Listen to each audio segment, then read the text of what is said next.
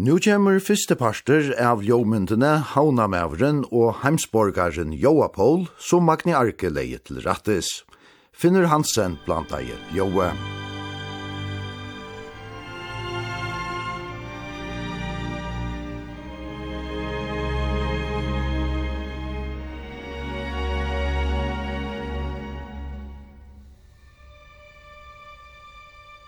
Havnamævren og heimsborgaren Joapol. Joapol. Tyri tjukvör med över som förföringardags halsi av forsøyni og dimmaletting, men det gjør de havna med Paul Poulsen som vanliga var nevnter Jova Paul ta han fyllte 45 år i november 1903. Og dimma var ikkje ensamöll, tog jeg sni ånder blø bare kjenta havnamannen og halsi av føringardenum. Bløyene skriva av om av vanlige lagnena tja Jova Paul, som av ungun og Aron var ferge i haun, Men sættene for ut i heima sikla, og oftan var her som herast leika i år, ta heimeren stå gjennom eldi av krudje og orruste.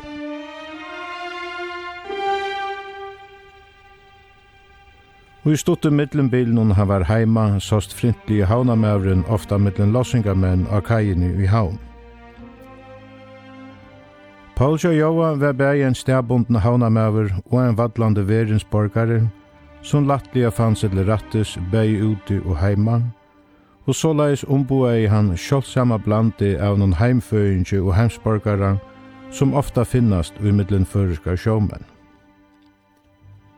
Ta han som tilkommen var heima helt han fyrir mesta tidlig ut i regni her han vaks opp, og pratene var jo ofta kjentelig i køtjennom tja Katrine Reinheim og nere i Müllers huset ta Joa Paul kom til kaffen.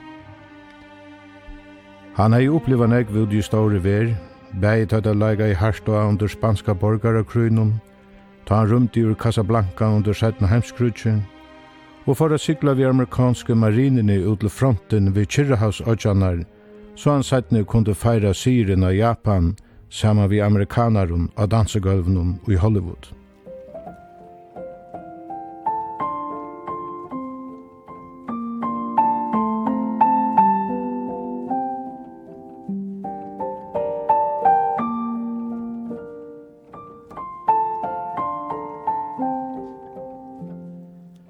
Ta Jova Paul blei konfirmera over om alderskiftet 1900, var haunen vaksen så mykje at hon var ikkje langer enn bygd, men enn bojer. Korstene boe bæra 1600 folk i havnene, og skattkjaldarene våre 333 vi taler, så havnafolk teg kjente kvann annan. Til haunar kommer gjester reglelige ur ødlom fyrjun, og tali av ferafölkjur utlåndun vaks monande, ta flere feramannaskip lødjene havnar var, av leiene til og fra Østlandi, senast i åra tutsjene i nødjandi öld. William Heinesen færje seg fagfølkjene at omboa er heilt og hotakande univers og skalsøvne om gleda og spelemennar, og middelen lagnenar og i nemande fortellingsne fra hemsins minsta høvestegi er bæg spelemenn og fergemenn. Ein som spratt ur tog ungvarvnun var Morentius Vistein, som hei en lattan penn og stauran tokka til sina medborgarar i haun.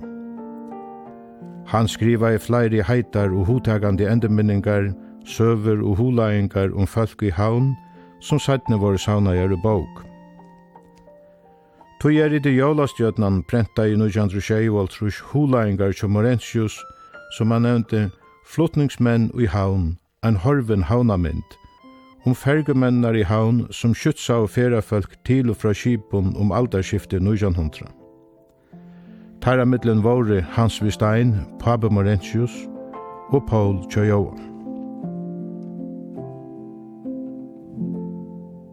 William Heinesen tegna i vignettenar av fergemonnen til hulaingarnar til Morentius – og en i helt fire, Amorentius og William vi hesun hulaingun og tekningun høyde rast fergamonnun ein bærelian minnesværa. Om Paul Joa sier Morentius at havnafolk høyde særlig an tokka til hansara. At han an egg var bostere, kom han atter til havnar, loiga fuser og frintlir som han alltid høy vere, skrivar han. Rødden tja Paule finst eisne av bandet, tog i middelen ter fyrste samrøven er Nils Jolarge gjørd i utvarpnum, var en samrøva vi Paul tja Joa, her av middelen Anna seie fra sunne sikling i krukstui. Hon var send i august 1906 og trus, og partar av henne er endurgiven og i bogarøyene tar skildi ute. Heimildnar i hese ljåmyndene om Joa Paul og hans herra samtøy, stava fyrir stóran part fra hulaengnun tja Morenskjuse og samrøvne tja Sjul. Men uikast hevi eisne finnje fra øron falkum og kjeldum.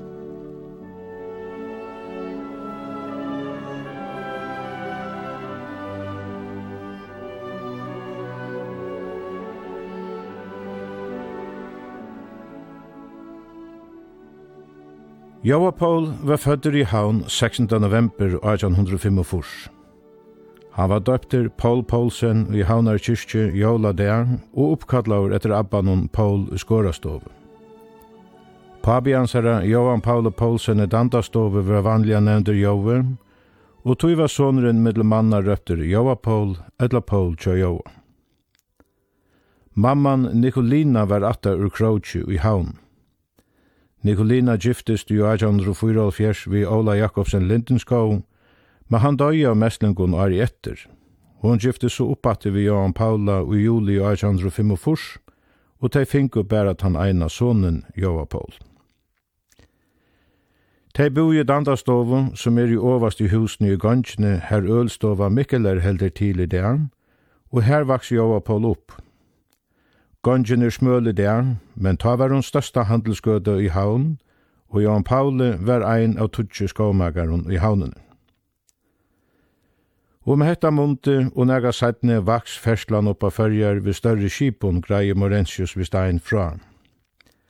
Framan undan var det heldur sjálv som hending a skip sovust koma sunnan etter edle omanjøgn nølsja fjör og de fleste våre seglskip som kasta av atjer og havnava. Men det brøttist alt ta syklingen ur Danmark og Norra til Fyrja og Íslands tog dig og asse senast i årene undan aldarmåtenen.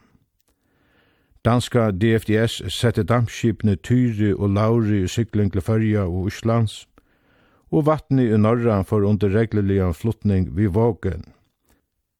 Skipene til DFDS var dampskip, medan Vågen rann bæg vid damp og segl som Johan Peder oppi trø tog til, og vid Taimon kom eisne negg fyrir fyrir havnar, eit nu eisne skotske lortar som fiska og suil. Kvart sommar forevaisne føringar i Haupatalet til lands i Íslandi. Ofta var det flere enn tusen folk som får til Íslands og regve ut til arbeid fisk. Mong fremmand fiskefør, eit no hettlendingar og bretar, lovaisne fyrir atskjeri i havnunen, og skipsmennir tar feravust vi bate ut og inn. Joa Paul greidde nil skjul fra nøgru minnun, han som smadronker og unglinje heie fra badna og ungdomsåren nirje gønskene, som ta var midbojer i havn. Paul, som havnadronker og uh, uppvaksende gønskene, kunde du kanska sagt okkun akkurat fra dine dronjaåren som du minnes til henne? Ja, kanskje. Hva var det for feil som fyrir i gønskene? Det var allt möjligt. Det var det mest, mest. Det var allt det där gamla kodna du här i gång. Den är gång och mina del, den är davast och fri av stein. Och så han jag visste, han, bo, han var hemma som hemmabror. Han bodde vid ingångna till Sjönebanken. Här är han i Och så, det stortligaste vi fick, det var att sida nere i Västerhusen kvällarna. Her var en butikk som gamle dyre seg. Og her var så stått til at her får jeg stinka kon annan at her trutje brøver. Det var jag og Christian og, og dyre som åtte i hotellet. Han var en gammal sjångöver. En som var siglar, en av Kina-siglaren. Ta en fortalde sånne gula krøner for hver nøver og stundje hver annan. Det var det stått i Mm. Ja. Men du tar fyrest eisne fremmande menn i gongene. Ja, gula nek. Kvien var det her? Ja, jeg tar rundt omkring. Altså, her to togjen, ta var, ta hei vi så gula nek og andre turister nere eisne. Så? Ja, nek vi syla menn. Ja.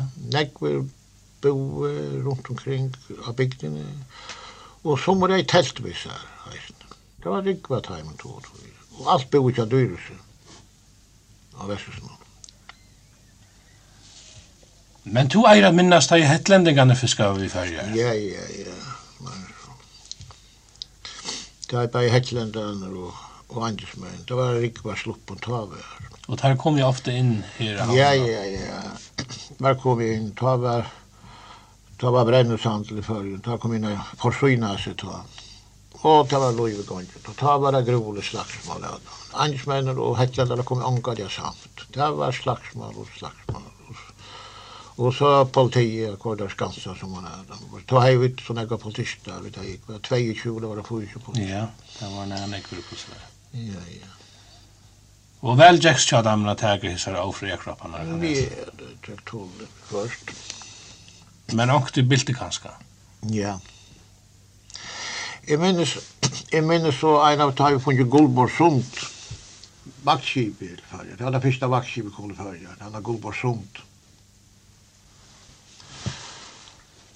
Då hade han tidigare en trådare. Och han skulle betala. Måste vara så stor två och två. Det var nog att den nya loven kom. Och då skulle jag med att kipa en stor och kraftig för att betala. Måste innan bestemt klokkeslett. Og han satt inn uh, Eh, Alla og drakk og var fotler. Og politikerna stod var klara til här Men jeg vara ikke, Det var visst ingen torrt loj på andra olika mann. Det var nog lägg gamla män politikerna tog og tog in. Men jeg vet ikke hvordan det ble til, Men så kom en gammal kvita som jeg var oppe i Stinedal. Han kom gänga til gongen, Han hade blivit käft av mitt evigt. Han spurte hva det gjør, det. Jag klagade en man. Det var inte farlig. Han var så gula krinker Og ikke visste jeg, for jag som jeg lå i rennen utan i Bajarstov. Men ta var på tisdagen kviger og leipa og tega, så får han kanskje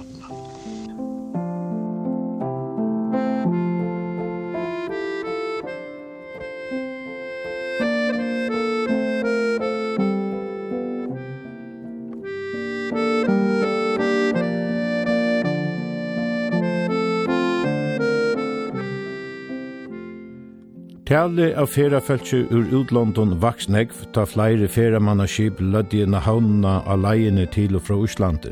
Men ferafæltjene måtte føras til land ved bate, til ta vær ongen kai og ongen mål i havn. Vi fyrstane sluppe ferafælk i land vi ein og hverjum bate som annakvart kom av utråre, eller annars vera flåte ta i skipene komme, skriva Morensius ved steinen. Men så tog menn seg fyri a flyta folk og land fra skipi hver fyrir det komme, og var der tessvegna nevnder fergumenn eller flottningsmenn. Fyrste flottningsmennir var Gjertis, Tian Gjertis Dam, Dia Vestein, som skrivaist Paul Andreas Jakobsen, og Johan Pauli Dandastove, Pape Joapol. Hesur trutje menn røkte reglelian folkaflottning til og fra skipi, bæja sumri og vetri.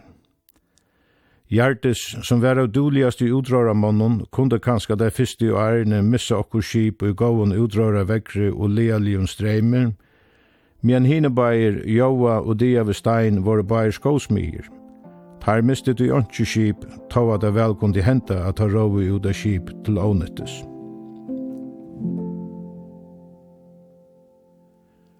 Flottningspeningren var 25 øyra fire kvart fyrra folk, og just som i det, så skulle flere der av vujere til Østlands, så det gav 25 øyre at træt å flytta deg ombord atter. Skipaferslan vaks, og et skai sildi håbrunn skipun inna havna var aleine til Østlands. Fyrir DFDS sildi Botnia, Laura, Vesta og Ceres, fyrir Tolinio sildi Pervi, Ingolf, Ask, Kong Helge, Kong Inge, Kong Tryggvi og Mjölnir, og Tolinius åtti eisni skip i Skottland som fara land og Kvalnes. Omframt hese fera skip, så hei partafela i Mortensen og tvørere eisne lade bygd fera og farmaskipet Smyril som kaptein Klausen førte. Og hasumre var sjoldan vika at ikkje okkurst av hesum fera skipum kom inn av havnena, og tar rådde om å være velmannaver og få som mest bors urflottningsnån, skriver Morensius Vistein. Tar hjertes Joa og Dia Vistein finge sætne gåa hjelp fra dransjonen som kvart har vokset til. Johan Tja hjertes kom tullju på i flottningsarbeid sama med papasunum. Paul Tja Joa var unger da han kom opp i, og det samme kan sies om Hans Vistein, som var blæ unger da han fikk årene regva vi, og tvøvna til å vaska setsnu og betsjene vi. Tog skuinande rent måtte vera, og det var ikkje lukkelig å stuja av betsjene eller setsene, Her i ferafelsene skulle sita, skriver Morentius.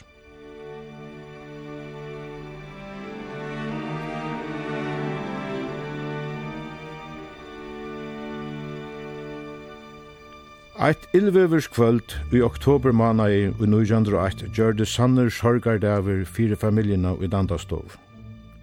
Johan Paule får sjølver annar ved nøgrum bretskun kadetton ut av bretska herskipet Bellona som la lengt ut i av fossen. Ta han ikkje kom atter, hadde dei heima givet seg til Tolsvi at dei i ombord og boi av etter bedre lujundum.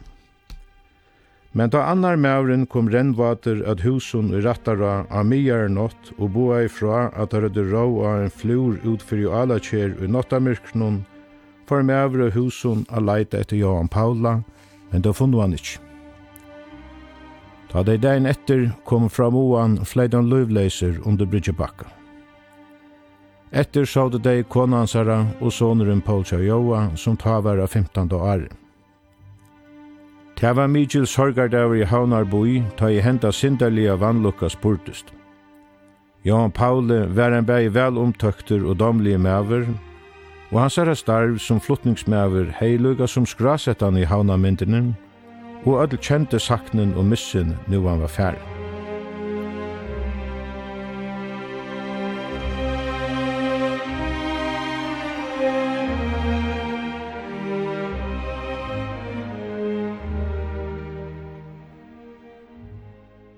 Lias og rattara bygde Polsja Joa nudjan flottningsbad.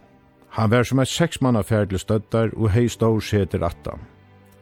Tverstur om seter i attan stod en brei bergfjöl, her vi Gilton stod a lesa Ferge 25 øre.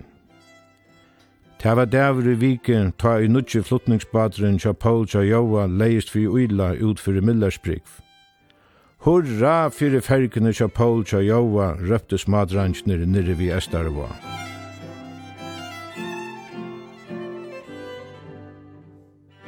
Det var det veisne gava grunter til a heira Paul hendan dagen, nu han ei finnje nytt fær til a rødja ta starv som han ei tidsi vi etter fægisrun.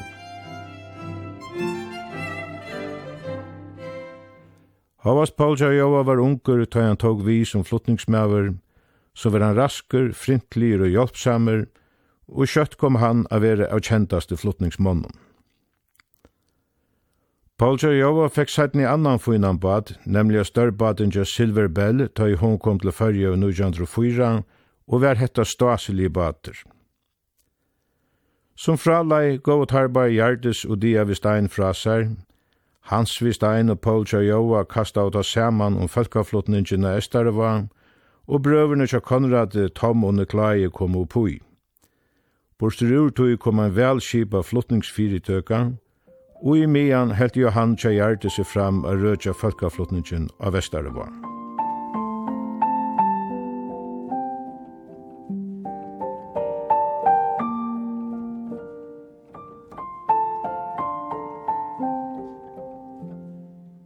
Morensius skrivar at Jova Paul gavst sættene ved flottningstarvnen, og tøyen ved nødgjøn maskinbaten til flottning var det stått, tøy så kjøtt brimgærer og bridja var gjørt i havn, fall fólkaflottningren av skipi og ombora skip borster av seg sjálvum. Ta vær ikkje langur bruk fyrir flottningsmannen. Flottningsmennir var i en tattere taursavna sjøve, men nu litt atler under grøne tarve utan Paulsja Jaua, skriva Morentius av Jolun og i 1920 og Han lever sitt fruska liv og er loiga fermer og frintligir som han væri tar i tøy, ta han var ein av høvesmannen og falkaflottningi i havn. Han hefur veri landju i utheimnun, hefur ferast vuja og liva seg ur einon og i anna eventyrer, utan at det synest at hava rine vian. Han er kommet atter til havnar og er loiga fuser og frintligir som han alltid hefur veri.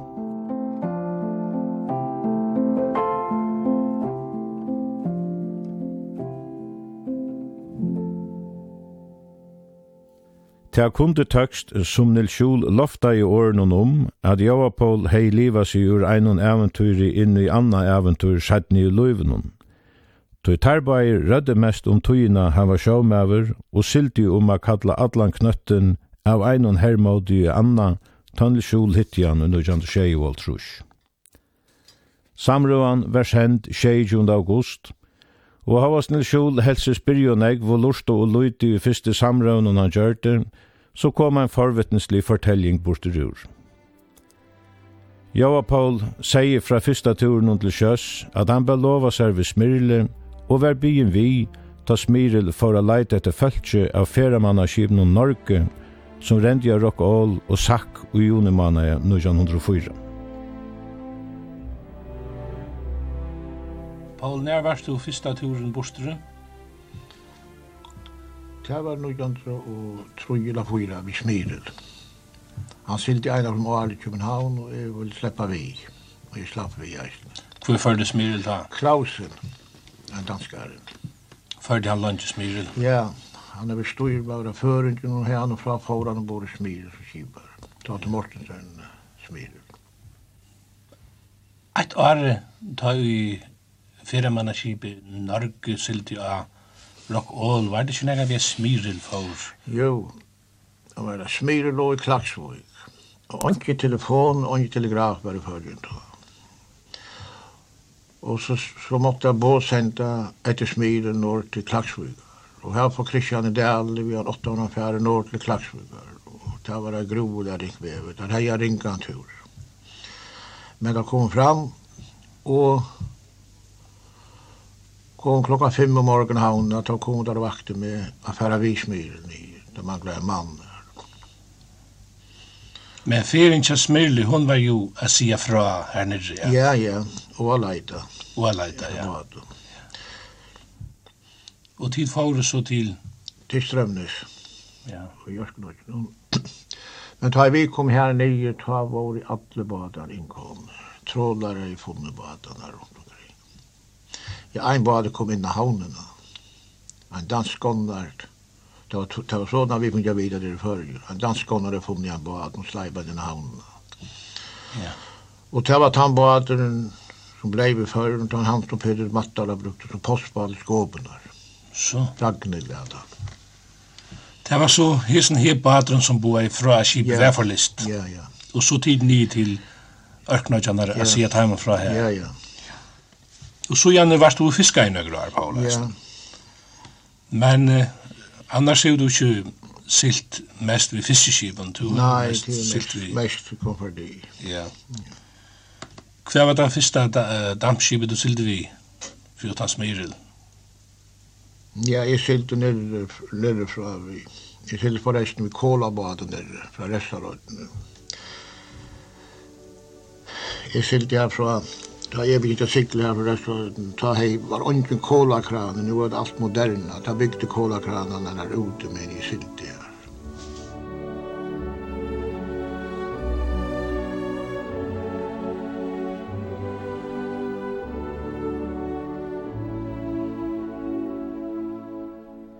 Og i Kjeppmannahavn rann saman mellom unga havnamannen og danske Tore Rasmussen og var av gåen fölkjer, til papi hennar hennara ver iversersjantur i danske herren og beriter tja kongen.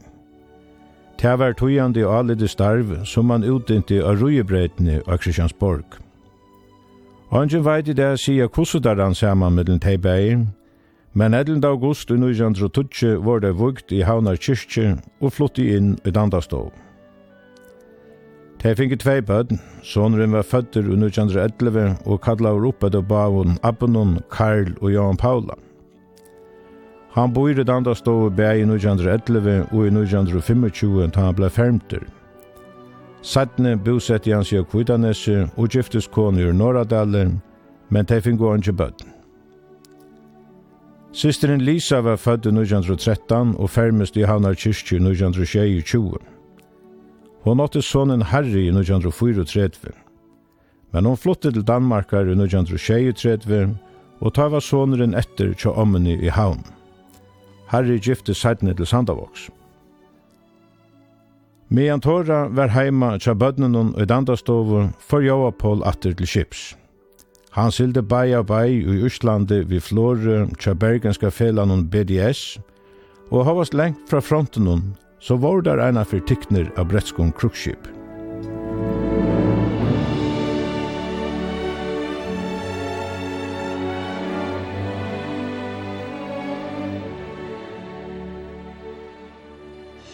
Sylde du ikke eisen vi flår i alla? Jo, jeg sylde vi flår. Det var under fyrra krukk.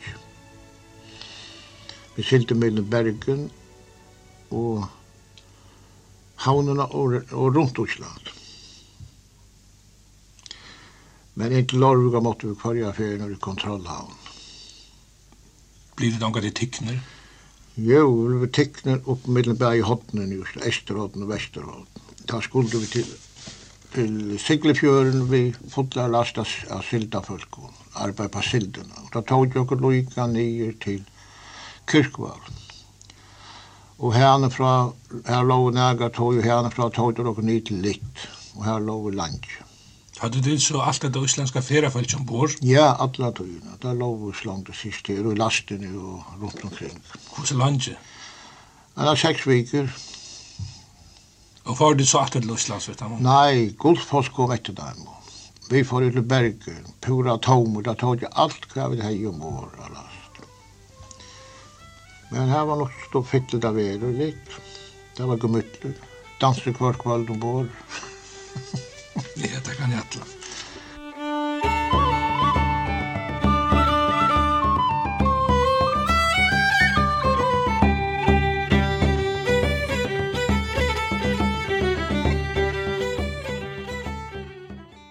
Helst er han færen langer ut i heima sykla at han har hemspardian Tui 1925 finna vi den ikkje i falkateljingen i havn.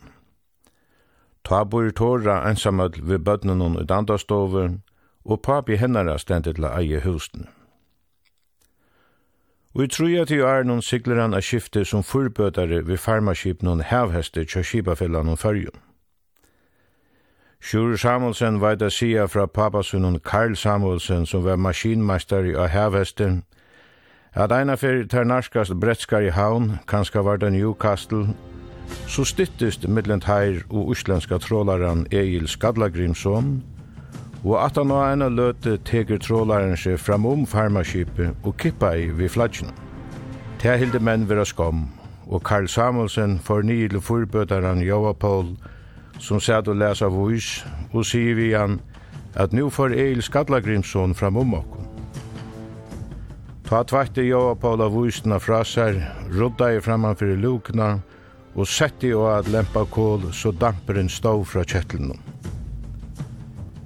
Ta jeg han løt og Arjen Havestrin rattelige rakna i vi, men så latti han støvnen hon opp, kom opp i fer og vann seg sperglige inn av Egil Skallagrimsson. Ta vær som er kapprår, fyrir kvarja grad kjettlaner hittna og finget der meire og Og til endan vann hervestren seg framom og kippa i vi fladsjnun du imoti Eile Skallagrimsson. Ta blåste kjedlene Eile du der hadde korfarne goan og han miste ferina. Hervestren kom fyster i havn og ta der om kvöld til ikke over kai spyr Karl Joapol hver han atlas er kvöld. Jeg fer inn igjen av Red Lion, sier han, til her blir uslendingarna halda til. Íslendingarnir var ikkje fyrstner, men tog vel om av de forbødaren av føreska skipen. Jova Paul fekk alt fri eit enn peint i hånden av som der skjødde. Tevet du oppe børe så hardt som tustruttest i det.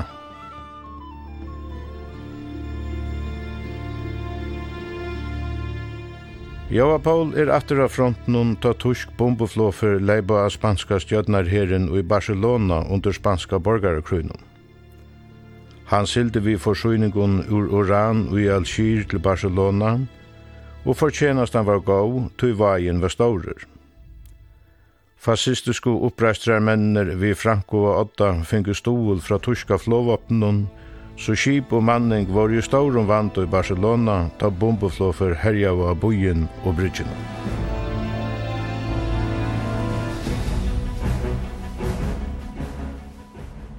Men det var det att ta ta våra liv att ta bomba.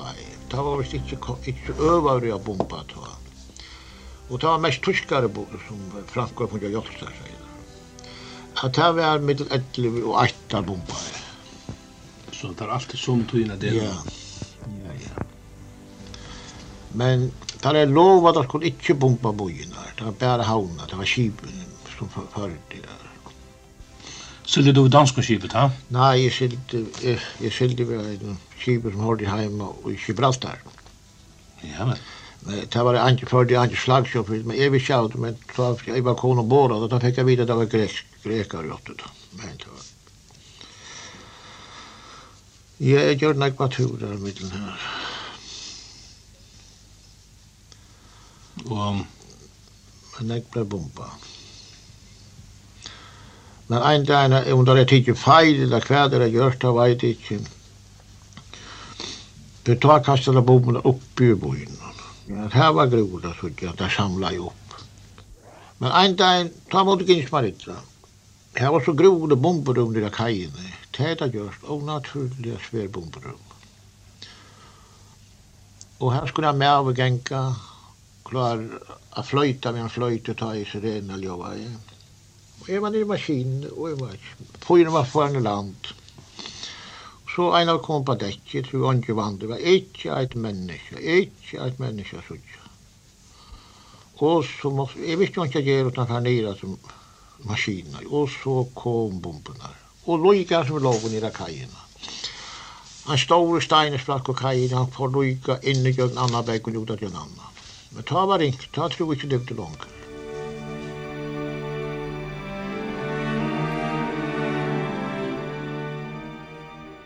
Fra Øsseri Esterøy vida vid at skipet sjå Joapol for i dokk i Marseille.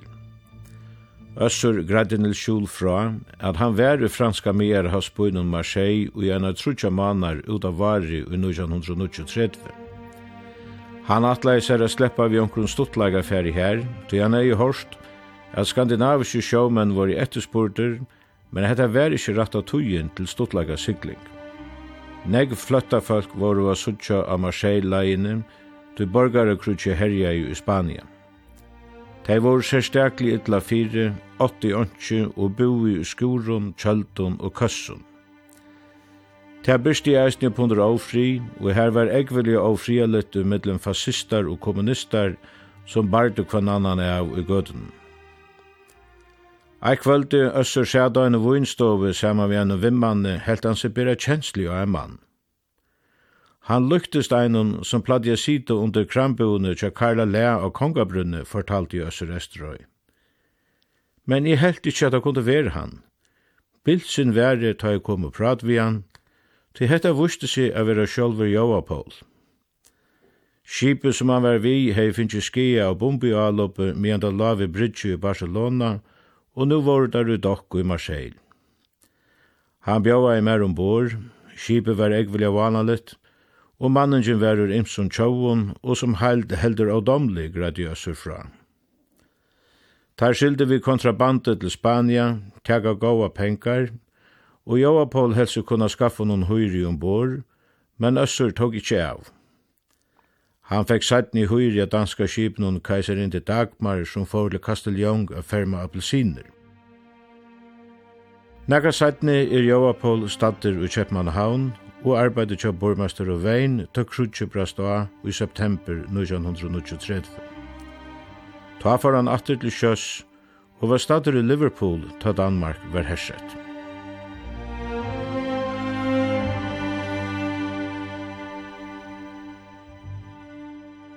Hver varst du ta i Krutje Brasta i 1930? I København. Jeg stod akkurat fram på radioen da jeg var da jeg var klæra i Krutje. Ja. Ta varst du i landet akkurat her det? Ja, jeg arbeidde som borgmester. Og først og så da sikla? Jeg får, jeg får Da manglar først en båt, en greskan båt som lå her i København i unge mannskap, 20 000 tonnare. Mm Og han skulle sikta til hull. Og så får du Vilhull vi gjennom. Det var resten tvær æreføringar vi eisne. Og så kom det heimans passerar. Gjerne for eina i. Vi lov ak vi blev forsinka i Hull, vi lov akkurat i Hull da da et der slepte seg der nir av Themsen. Luna Vige forsinkar og slopp i heimat. Og så kom jeg hjemme til København, og så får jeg ut en båt i Tolm, som heter Hilda. Og hver skilte dit vi Hilda Tolm? Vi får, vi får fra København ned, til, ned til Kanariøkene. Så gjør vi trutja turer alene. Unger i mitt Kanariøkene og Liverpool. Vi tomaten. Men hver var tid ta i Danmark hver tidsje? Vi kom i akkurat den 8. om kvöldi inn til Liverpool fra Spanien med Abessinon. Og så var ferdig, så ble vi beslaglagt i Liverpool. Låde det så langt, ja? Halva tre måneder. Og hadde du det godt? Takk. Ja, utmerket godt. Til låg ombord? Ja, vi låg ombord. Men så får skipet ut at det sikla? Ja, så får vi så slapp den här laser för upp på Manchester kanal lasta i kol för kannes.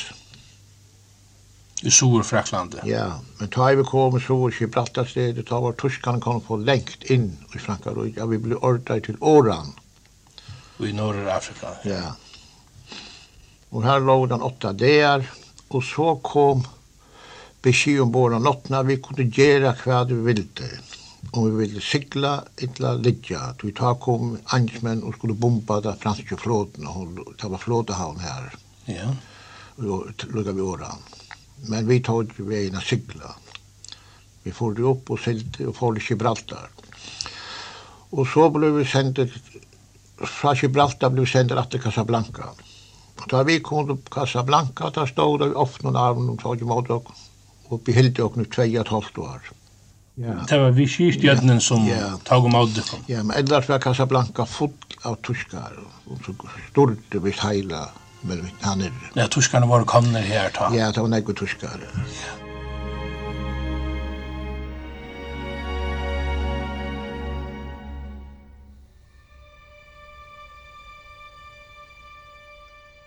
Og i settene sendingsne sier Joapol fra togene ta han i første omfære satt faster i Norrafrika, og ta han settene var vittne til høre bardianer og i Kyrrehavnen medan han silte vi amerikanske herflådene og i struje vi japanar. Joapol var ferdig om det 60 ta han kom atter til havnar og atter gjørtest en kjent havnamynd.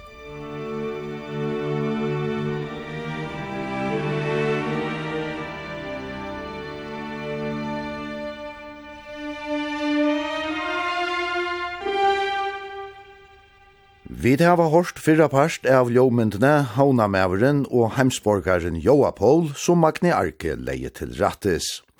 Sendingen bygde i høvesheitun og samrøvå som Nils Jol Arke gjørte vi Paul Poulsen og i Nujantru Tjeiol Trush og hulainsna Hornar haunamynter som Orensius Vistein skriva i samme år. Finner Hansen blant i Joam.